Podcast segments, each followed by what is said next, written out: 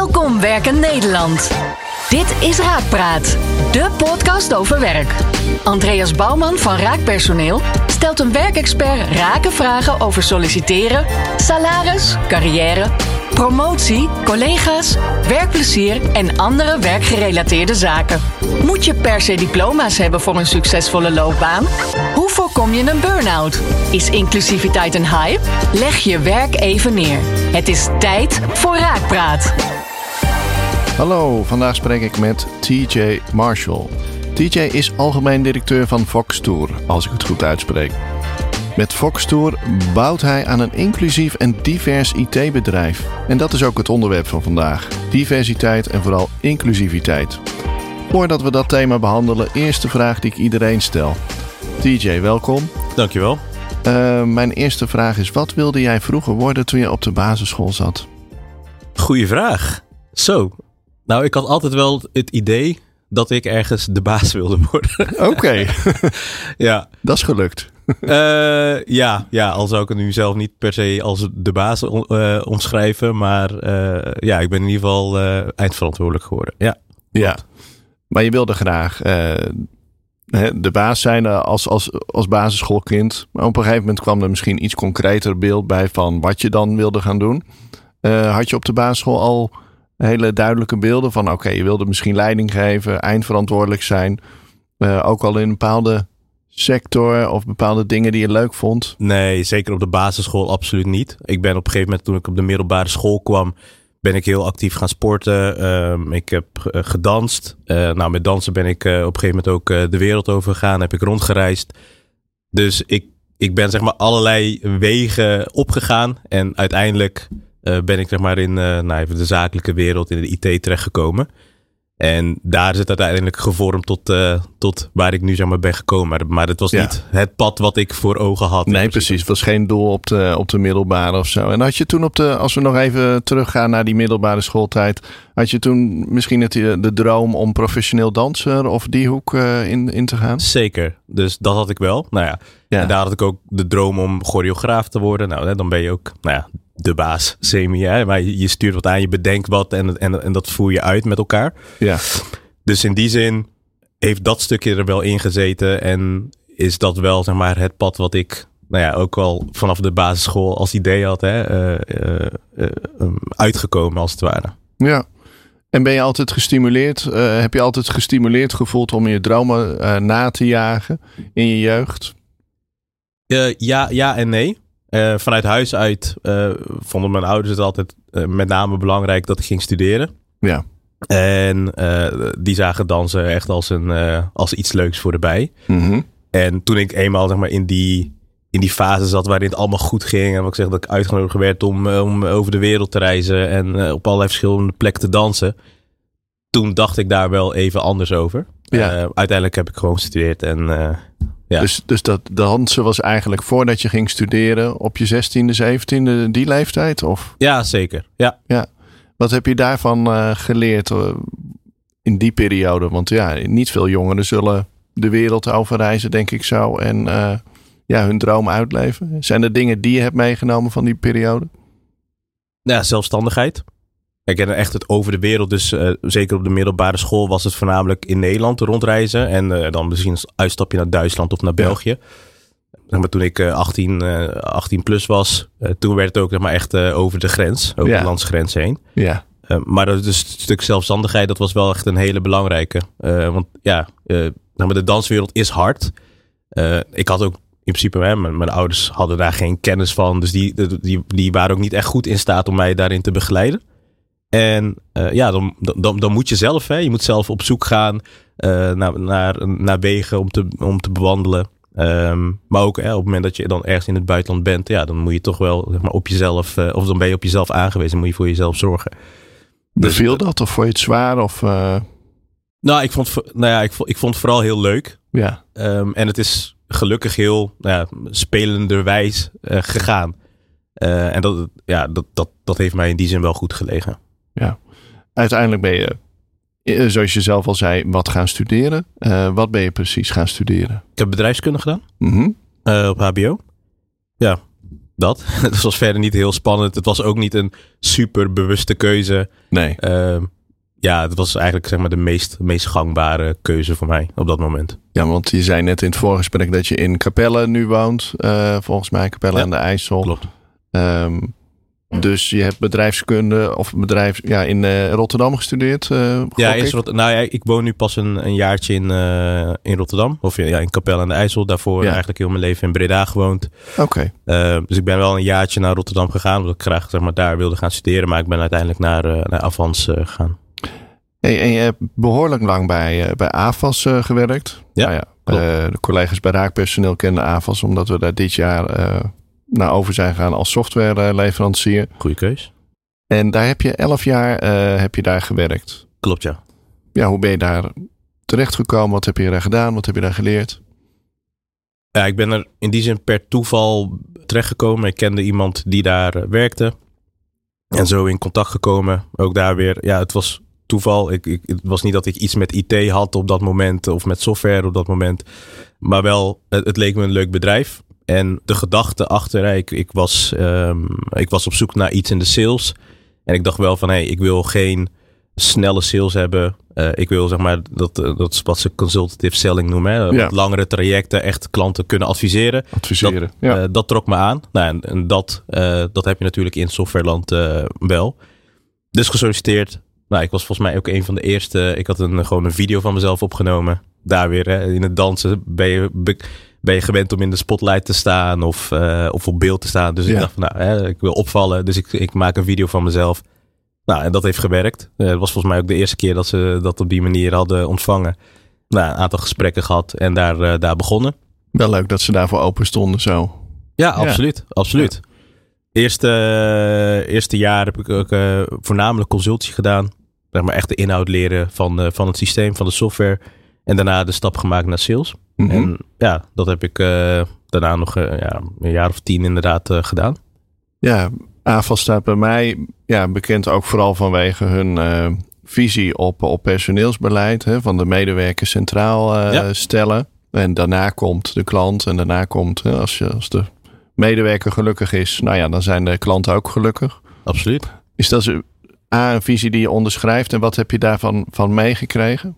Nou ja, kijk, uiteindelijk in, in alles wat eh, zeg maar AVS als werkgever doet, staat inderdaad de medewerker centraal. Dus dat heb ik altijd, eh, zeg maar in de complete elf jaar heb je dat wel gevoeld. Ja. Ja, dat begon op eh, dag één. Nou ja, ik was ergens medewerker 250, 260 of iets dergelijks.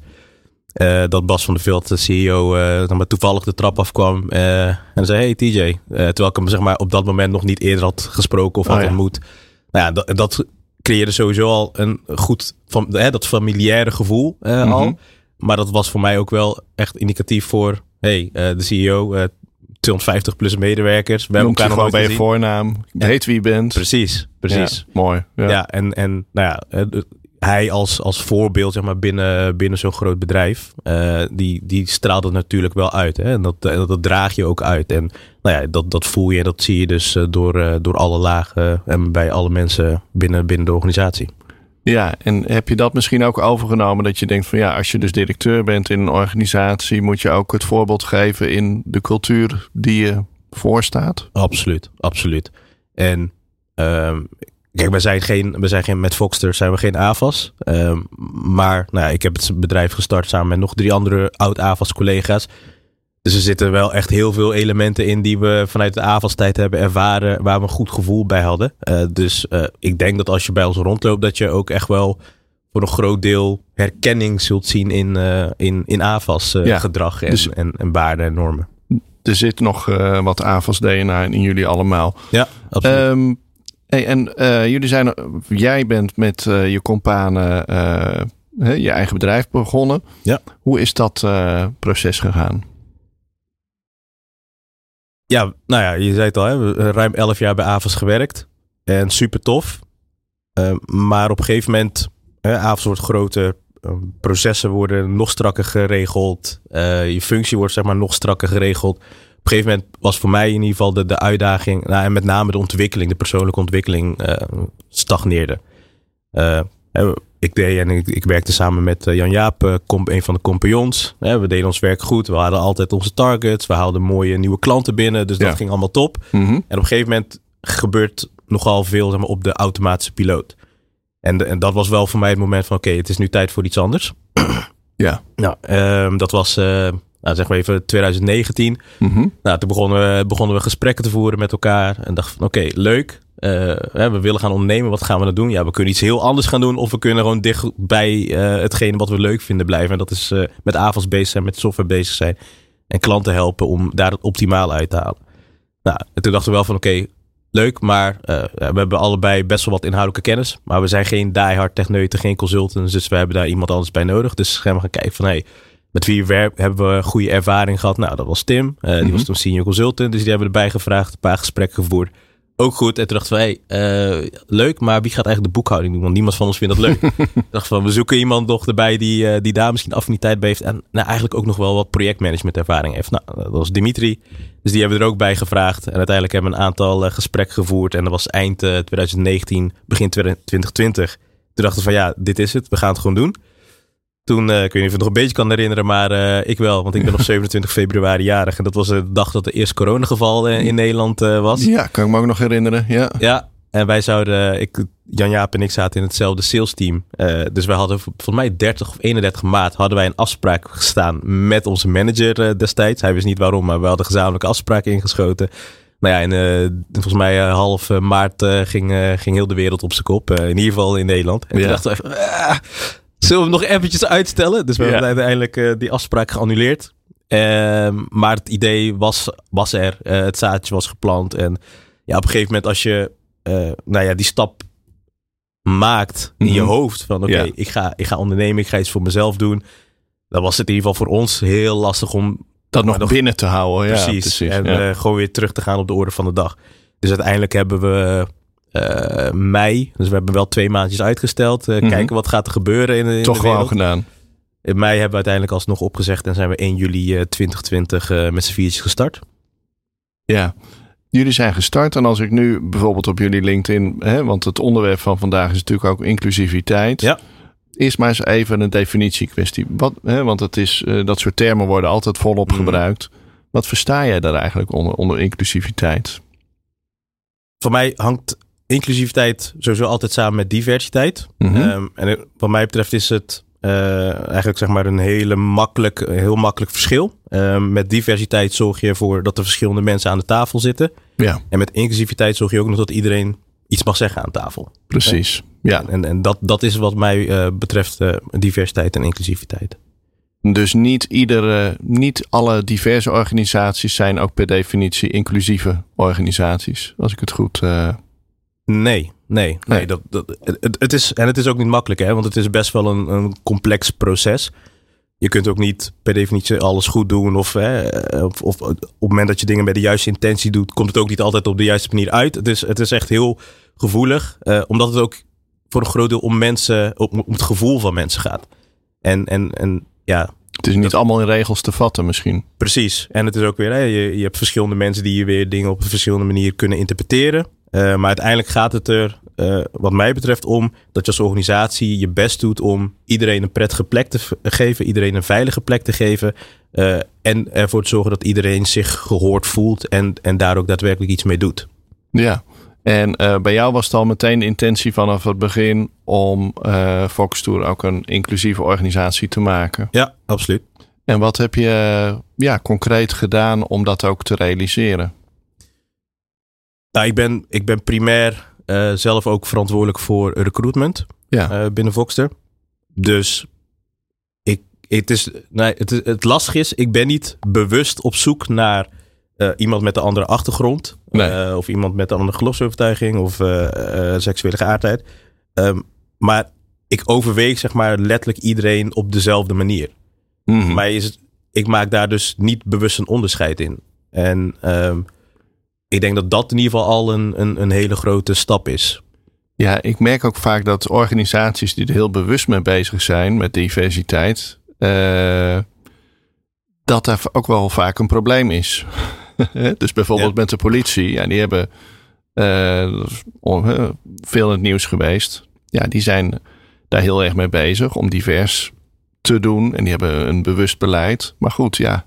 Precies, en als je dan niet inclusief bent, wat, wat hè, je best wel wat verhalen over uh, voorvallen die plaatsvinden. Precies, ja, deze week op, nog. ja. NPO was er een uh, hele documentaire Klopt. erover. Ja. Ja, dus dan kun je inderdaad uh, leuk een diverse recruitment diversity hebben. officer hebben. Precies, en, kun je allemaal doen. ja. En dan, kom, hè, dan, dan komen, ik zeg even die mensen, Hmm. komen die mensen binnen. En dan voelen ze zich niet op zijn plek, op, op, op hun plek. Maken ze vervelende situaties mee. En dan stromen ze weer uit, vloeien ze weer uit. Wat krijg je dan? Ja, ja, kijk, zie je nou wel. Zie je, we hebben ons best gedaan, maar het lukt niet. Nee. Ze, ze blijven niet, ja. En dat is dus ook die combinatie tussen diversiteit en inclusiviteit. Hey, en uh, misschien nog wel een vraag voor die andere die belangrijk is. In de IT lijkt me nou ook niet de meest diverse en inclusieve branche, om het zo, uh, zo maar te zeggen. Kan een voordeel van mij zijn, want uh, ik weet het ook niet precies. Maar is dat zo? Is er een gebrek aan diversiteit en inclusiviteit in de IT in zijn algemeenheid? Ja, dat is echt een gevoelsmatig antwoord wat ik ga geven. En dan, dan is het ja. Mm -hmm. um, Kijk, als ik ook kijk, uh, zeg maar bij AVAS, was ik een van de weinige uh, mensen met een donkere huidskleur bijvoorbeeld. Uh, Mhm. mm -hmm. Los van even, hè, er was ook een vestiging op Curaçao, die tel ik dan even niet mee. okay. uh, maar in Nederland was, was, dat zo. En dat was dan in die zin niet per se omdat AVAS niet inclusief is. Want daar, daar en zeker ook nu overigens, dat is de, zeker de laatste jaren, wordt daar extra aandacht aan besteed. Um, toevallig van de week nog uh, met de Bas CEO erover gesproken en ook echt aangegeven, nou, ik ben echt zeg maar trots op hoe mijn, mijn vorige werkgever daarmee bezig is. Alleen, daar was daar ook een beleid bijvoorbeeld van... Um, we zoeken mensen vanuit de regio Leusden. Mm -hmm. En nou ja, dat, dat is natuurlijk al een regio die misschien al wat minder divers is. En vervolgens was dan het beleid... ja, uh, een, een medewerker brengt de medewerker aan... Dus wat krijg je dan? Ja. Uh, je hebt een cirkel met medewerkers. Nou, die vinden weer nieuwe medewerkers. En ja. de groei bestaat eigenlijk continu uit en, mensen uit hetzelfde kringetje. Soort dus... zoek soort wil ik bijna zeggen. Ja, ja nou ja, daar, uh, daar, daar komt het wel op neer. Ja. Uh, kijk, en, en dat soort systeem heb je natuurlijk bij, ja. bij meerdere organisaties. En, en daarmee versterk je dus in plaats van dat je het tegengaat. Snap ik. Stel dat je nou een organisatie bent die dat bemerkt bij zichzelf van ja, oké, okay, wij vissen altijd in diezelfde vijver en eigenlijk vinden we het wel beter uh, als we ja, wat diverser worden en ook inclusiever. Wat zijn dan belangrijke eerste stappen die je zou kunnen zetten? Als je, als je het realiseert, oké, okay, ik ben me van bewust, mijn organisatie is gewoon niet zo divers. Er zitten mm. gewoon allemaal dezelfde soort mensen. Uh, nou ja, het begint bij die bewustwording, maar dan. Ja. Kijk, sowieso de, de, de manier van werven kun je gaan aanpassen. Dus er zijn, um, er zijn verschillende recruitmentbureaus die ze bijvoorbeeld ook op bicultureel talent focussen. Waardoor je misschien wat, wat meer ook diversiteit in je aanbod krijgt. Dus dat, dat kun je aan de aanbodzijde doen. Alleen je moet ook direct dan van de start bezig zijn met... oké, in wat voor omgeving komen die mensen terecht? Uh, is het een, is het een, is het een, zeg maar een inclusieve omgeving? En wat kunnen we doen om... Uh, mensen met een andere achtergrond op een goede manier te ondersteunen. Hè? Denk bijvoorbeeld aan, een, aan, een, aan het onboardingsproces. Wat kunnen we doen om die mensen een zachte landing te geven? start je bij het recruitment of start je bij, bij die cultuur van die zachte landing en dat mensen zich. Ja, het is natuurlijk een beetje een, een combinatie van. Want als je, ja, precies. Want ja, je kunt bouwen intern en, en er komt niemand. Ja, waar doe je het dan voor? Hè? Dus het, uh, je moet ook een soort van prikkel hebben om daadwerkelijk ermee aan de slag te gaan. Um, maar het is wel iets wat uh, synchroon, wat mij betreft, naast elkaar zou moeten lopen. Uh, je zou bijvoorbeeld ook kunnen denken aan iets van een, een buddy systeem. -hmm. gewoon iemand die een bicultureel talent of iemand met, met, met een afwijking, of noem het dan maar op. aan de hand mee kan nemen en, en, en, en kan introduceren en kan helpen om op bepaalde plekken binnen te komen. En Hè, bij een kleinere organisatie is dat misschien wat minder relevant. Maar hoe groter je als organisatie wordt, uh, ook, ook daarbij hoe meer systemen er in stand zijn. En uh, nou ja, mensen met een andere achtergrond hebben misschien niet het netwerk om geholpen te worden. Hè. Die hebben die, die kruiwagen om, om binnen te komen. Ja.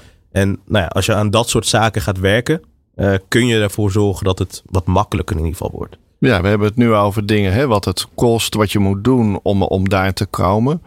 Um, en als we het eens positief omdraaien. Uh, wat kan het een organisatie opleveren die cultureel divers is, waar allerlei verschillende mensen zich welkom voelen, iedereen zichzelf kan zijn. Wat, wat levert dat een gemiddelde organisatie nou op? Sowieso blijkt uh, uit onderzoek dat uh, organisaties die diverser zijn, creatiever zijn, winstgevender kunnen zijn. Um, omdat ze verschillende invalshoeken gebruiken om bijvoorbeeld bij een probleem tot een oplossing te komen. Of bij een, meer effectievere werkwijze. En, en, en dat zijn denk ik wel belangrijke aspecten. Het, het kan gewoon echt daadwerkelijk je bedrijfsvoering verbeteren. Uh, ja, dat, ik denk dat dat misschien nog bij, uh, bij organisaties uh, zou moeten landen. Ja, ja, en ik denk dat het, het is niet alleen maar een speeltje of een hype of, of iets dergelijks. Nee, je kunt er als organisatie echt beter van worden. Nee, ik denk ook dat je een aantrekkelijke werkgever kunt zijn voor veel meer met mensen. Als je in een hele kleine vijver vist. Precies. Ja, ik bedoel, uh, Nederland is een divers land uh, qua inwoners. Dus als je iedereen een potentiële werknemer is, dan is je vijver natuurlijk een stuk groter. Kijk, uiteindelijk, zeker met de krapte die we. Uh, je zit in de, in de uitzendwereld. de krapte die je op dit moment op de uitzend. of op de, op de arbeidsmarkt hebt is het misschien voor een deel ook wel een probleem wat zichzelf gaat oplossen. Want ja, op een gegeven moment uh, kun je niemand meer krijgen en dan moet je wel. Hè? Dan, en dan is het noodgedwongen. En dat wil nog niet zeggen dat dat misschien hè, de, de, de, beste reden zou zijn. Maar het helpt denk ik wel. Ja, maar goed, dan uh, heb je weer wat jij in het begin zei. Dan ben je misschien wel een divers bedrijf, maar nog niet per se inclusief. Nee, ja. nee. Maar dan, ga, dan, dan, ga je uiteindelijk ga je toch die pijn voelen. Hè? Want ik zeg, die mensen gaan dan weer, uh, zeg ik weer die mensen, maar ja. uh, je snapt wat ik bedoel. Uh, die, die gaan dan weer uitstromen. En ja, ja dat, dat gaat op een gegeven moment pijn doen. Hè? En op een gegeven moment als het euro's gaat kosten, dan, dan zie je vaak dat dingen ook in beweging gaan komen. Ja, klopt. Even een kleine ja, soort van gewetensvraag. Kies jij nou ook je opdrachtgevers nu uit dat ze bewust zijn met dit thema. Of in ieder geval dat ze een bepaalde. Hè, dus dat ze niet alleen inclusief doen, maar ook inclusief zijn, bijvoorbeeld. Dat je, zeg je ook wel eens nee tegen een opdrachtgever. Nou, dat je denkt van, nou ja, die past echt zo totaal niet bij de visie en, en eh, die ik heb op uh, hoe een bedrijf gerund zou moeten worden. We hebben dat nog niet meegemaakt. Waar, waar we wel heel scherp op zijn, en dat, uh, dat communiceren we ook regelmatig uh, richting medewerkers op het moment dat jij je niet prettig voelt, op wat voor manier dan ook, bij een, bij een opdrachtgever, pak je spullen, vertrek, bel, geef aan wat er is gebeurd en wij staan altijd achter je. Ja. Dat is zeg maar het minimale wat wij, uh, wat mij betreft, kunnen doen. Ja, en mocht het een keer voorkomen dat, het, dat iemand aanklopt, uh, waar, waarvan wij het idee hebben van nee, dit, dit, dit, dit is hem gewoon niet, dan zullen we daar ook echt gewoon heel duidelijk in zijn. Ja. Uh, we hebben het geluk dat ook, wij, wij werken veel voor AVAS klanten en ook AVAS heeft wel zeg maar een, een bepaalde grens qua uh, dit type klanten willen we uh, niet. Dus die komen per definitie ook niet bij ons terecht. Snap ik. Ja, op LinkedIn zag ik nog een uh, goed ge geliked en gedeeld bericht over je haar. nou zou ik mijn haar direct omruilen voor het jouwe. ja, hoorde je ze, hè, want ze zeiden het volgens mij te, zoiets tegen je van, ja, jouw, jouw haardracht is niet professioneel. professioneel. Klopt, ja. Ja, wat, wat deed dat? Heb je dat één keer gehoord? En wat, nee, heb je dat heb, vaker gehoord? Nee, dit was zeg maar de eerste keer dat ik het echt face-to-face hoorde. Ja. Um, dus dat is op dat moment wel confronterend. Ik moet wel zeggen, kijk, ik ben nu, ik ben nu ondernemer, ik ben verantwoordelijk voor een, voor een bedrijf. Uh, dat soort dingen raken mij minder. Uh, alleen ik deel het bewust omdat ik weet uh, tien jaar geleden, bij wijze van spreken, was ik en jonger en ben je in loondienst. Uh, ja. bij, hè, voel je wat meer uh, afhankelijkheid ook. En op dat moment had ik er misschien heel anders mee omgegaan. Had het me veel meer pijn gedaan dan, dan nu. En ik merkte ook, nou ja, ik, ik deelde dat bericht. Uh, het is inderdaad veel gelijk. Maar wat ik nog misschien wel veel mooier vond, is ik heb echt tientallen berichten, gewoon DM's gehad. Ja. Van mensen van, hey, ik had zo graag mijn haar uh, zo willen, uh, willen dragen, maar ik durf het niet, want ik ben bang voor. Of ik heb mijn haar moeten afknippen uh, vanwege opmerkingen. Nou, en dat maakte er in ieder geval voor mij wel helder van het leeft. Um, en, en het is gewoon belangrijk om dit soort zaken uit te blijven spreken. Ja, precies. Zijn er nog meer dingen die je persoonlijk hebt meegemaakt dat je denkt van ja, dat is voor mij gewoon een superbelangrijke reden dat ik belangrijk vind dat ik mezelf mag zijn. Maar dat ook anderen zichzelf kunnen zijn. En uh, de haardracht hebben die ze willen. De, kunnen zijn wie ze willen. De religie kunnen aanhangen die ze willen. Zijn er meer persoonlijke redenen dat je hier voor, voor dit onderwerp zo hard maakt? Nou ja, met, met name omdat ik. Nee, ik heb ook ik heb, ik heb vrienden, ik heb familie, mijn eigen ervaringen. Gewoon continu momenten van bewustwording. dat jij maar altijd gezien wordt als de ander of als mm. anders. En hè, het maakt bij wijze van spreken niet uit hoe succesvol je bent, uh, uh, wat, wat je bereikt. Uiteindelijk komt het erop neer, hey, jij bent zeg maar de ander. En wat voor mij echt mijn primaire doel is en was toen, toen wij met, uh, met Voxer starten, is dat mensen dat gevoel niet hebben of hoeven te hebben op het moment dat ze zeg maar, bij Fox te werken. Ja. En weet je, dat, dat is me alles waard. Om, weet je, het, het, is, het is zeg maar, het, het is gewoon niet leuk dat je zeg maar continu gewoon je hele leven daar bewust van moet zijn. Terwijl jij eigenlijk zelf gewoon hè, bezig bent met, met je leven, met je werk. Ehm, en daar gewoon continu zeg maar, die nadruk daarop over gelegd. Mij mijn huiskeur is gewoon mijn huiskeur. Ja, dat, is. Mhm. Punt. Ja. Uh, en, en, en nu ben ik zeg maar even heel goed in, in AFAS uh, inrichten, weet je wel. Dat, dat, dat, is wie ik ben. Ik ben, ik ben een vader. Dat, dat is wie ik ben. Ik ben niet mijn huidskleur. Ik ben niet mijn haardracht. Uh, maar het is wel waar steeds weer terug naar gerefereerd wordt. Of waarop gewezen wordt. Of waardoor je opvalt. En nou, dat, dat, wil ik zoveel. Het is niet. Het, is ik moet ook realistisch zijn. Dat, dat gaat nooit helemaal veranderen. Dat gaat nooit helemaal weg. Maar ik kan wel mijn best doen om ervoor te zorgen dat nogmaals iedereen die in ieder geval bij Voxen werkt, zich niet speciaal voelt om die reden. Je mag je heel goed speciaal voelen, ja. maar niet uh, omdat je een kleurtje hebt of omdat je je haar op een bepaalde manier draagt. Duidelijk. Hey, en als je de afgelopen 10 of 20 jaar uh, de ontwikkeling ziet in Nederland, want ja, het lijkt soms uh, dat het. dat de discussie wordt in ieder geval steeds gepolariseerder. Dus de mm. discussies lopen hoog op. Maar ik vraag me wel eens af, ja, uh, is de ontwikkeling die we de afgelopen 10, 20 jaar nou uh, hebben meegemaakt, is die nou positief of negatief? Hoe kijk jij daarnaar? Op het gebied van inclusiviteit. Kijk, ik vind het wel positief. Uh, kijk, uiteindelijk alles, ik, nou, daar ben ik wel van overtuigd, dat verandering kan op bepaalde plekken pijn doen, kan schuren. maar zonder, zonder wrijving geen glans. En ik denk dat dat, nou ja, is het polariserend ik denk dat het ergens misschien wel de enige manier is om uiteindelijk die vooruitgang en die progressie te boeken. Want het alternatief zou zijn uh, dat ik bijvoorbeeld mezelf minder zou uitspreken. Of, en dan doe ik het nog niet eens zo extreem. Hè. Er zijn mensen die mhm. dat veel meer doen en op een veel betere manier doen. Maar door dat uitspreken wordt er zeg maar een, een, een tegenreactie veroorzaakt. Uh, uh, ja, de enige manier om dat dus te voorkomen is je niet meer uitspreken. En, en, en dan blijf je dus in, in, in hetzelfde cirkeltje, in hetzelfde schuitje zitten. En dat wil je ook niet. Dus ja, weet je, dan, dan moet het maar. Dan moet het maar polariseren, dan moet het maar botsen. Uh, Snap ik. Maar uiteindelijk komen we wel stapje voor stapje vooruit. En denk je om uh, ja, daar een beetje mee te eindigen van dat je ook op een gegeven moment klaar kunt zijn met het thema. Dat je op een gegeven moment zo'n diverse, inclusieve organisatie bent. Ja, dat het eigenlijk geen thema dus meer is. Uh, ja, wat je huidskleur is of hoe je er uitziet, wat je haardracht is. En dat, het, dat je gewoon een inclusieve organisatie bent. En je er dus eigenlijk niks meer aan hoeft te, te doen. Omdat je het al, iedereen het al uitleeft. Denk je dat we in dat stadium ooit gaan komen? Of denk je van ja, dat mensen toch altijd onderscheid gaan maken. En dat je er altijd bewust mee bezig moet zijn? Ik denk dat laatste. En mensen hebben de natuur om in hokjes te denken. Dat doe ik op bepaalde vlakken ook.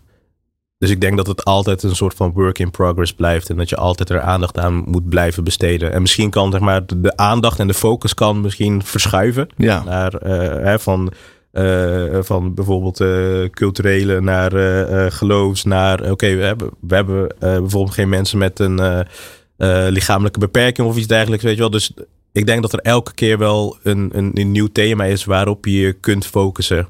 gewoon vanwege het feit dat mensen uiteindelijk toch weer teruggaan naar, hey, jij lijkt op mij, dit is, dit is ons hokje en dat is een ander hokje. Ja, uh, ja dat blijft denk ik uh, continu die muurtjes uh, afbreken, afbreken. Dat is dan blijkbaar inderdaad toch menselijk gedrag. Nou, ik wens jou heel veel succes met, met Foxter en met alles wat je doet. En ik wil je super hartelijk danken voor je komst.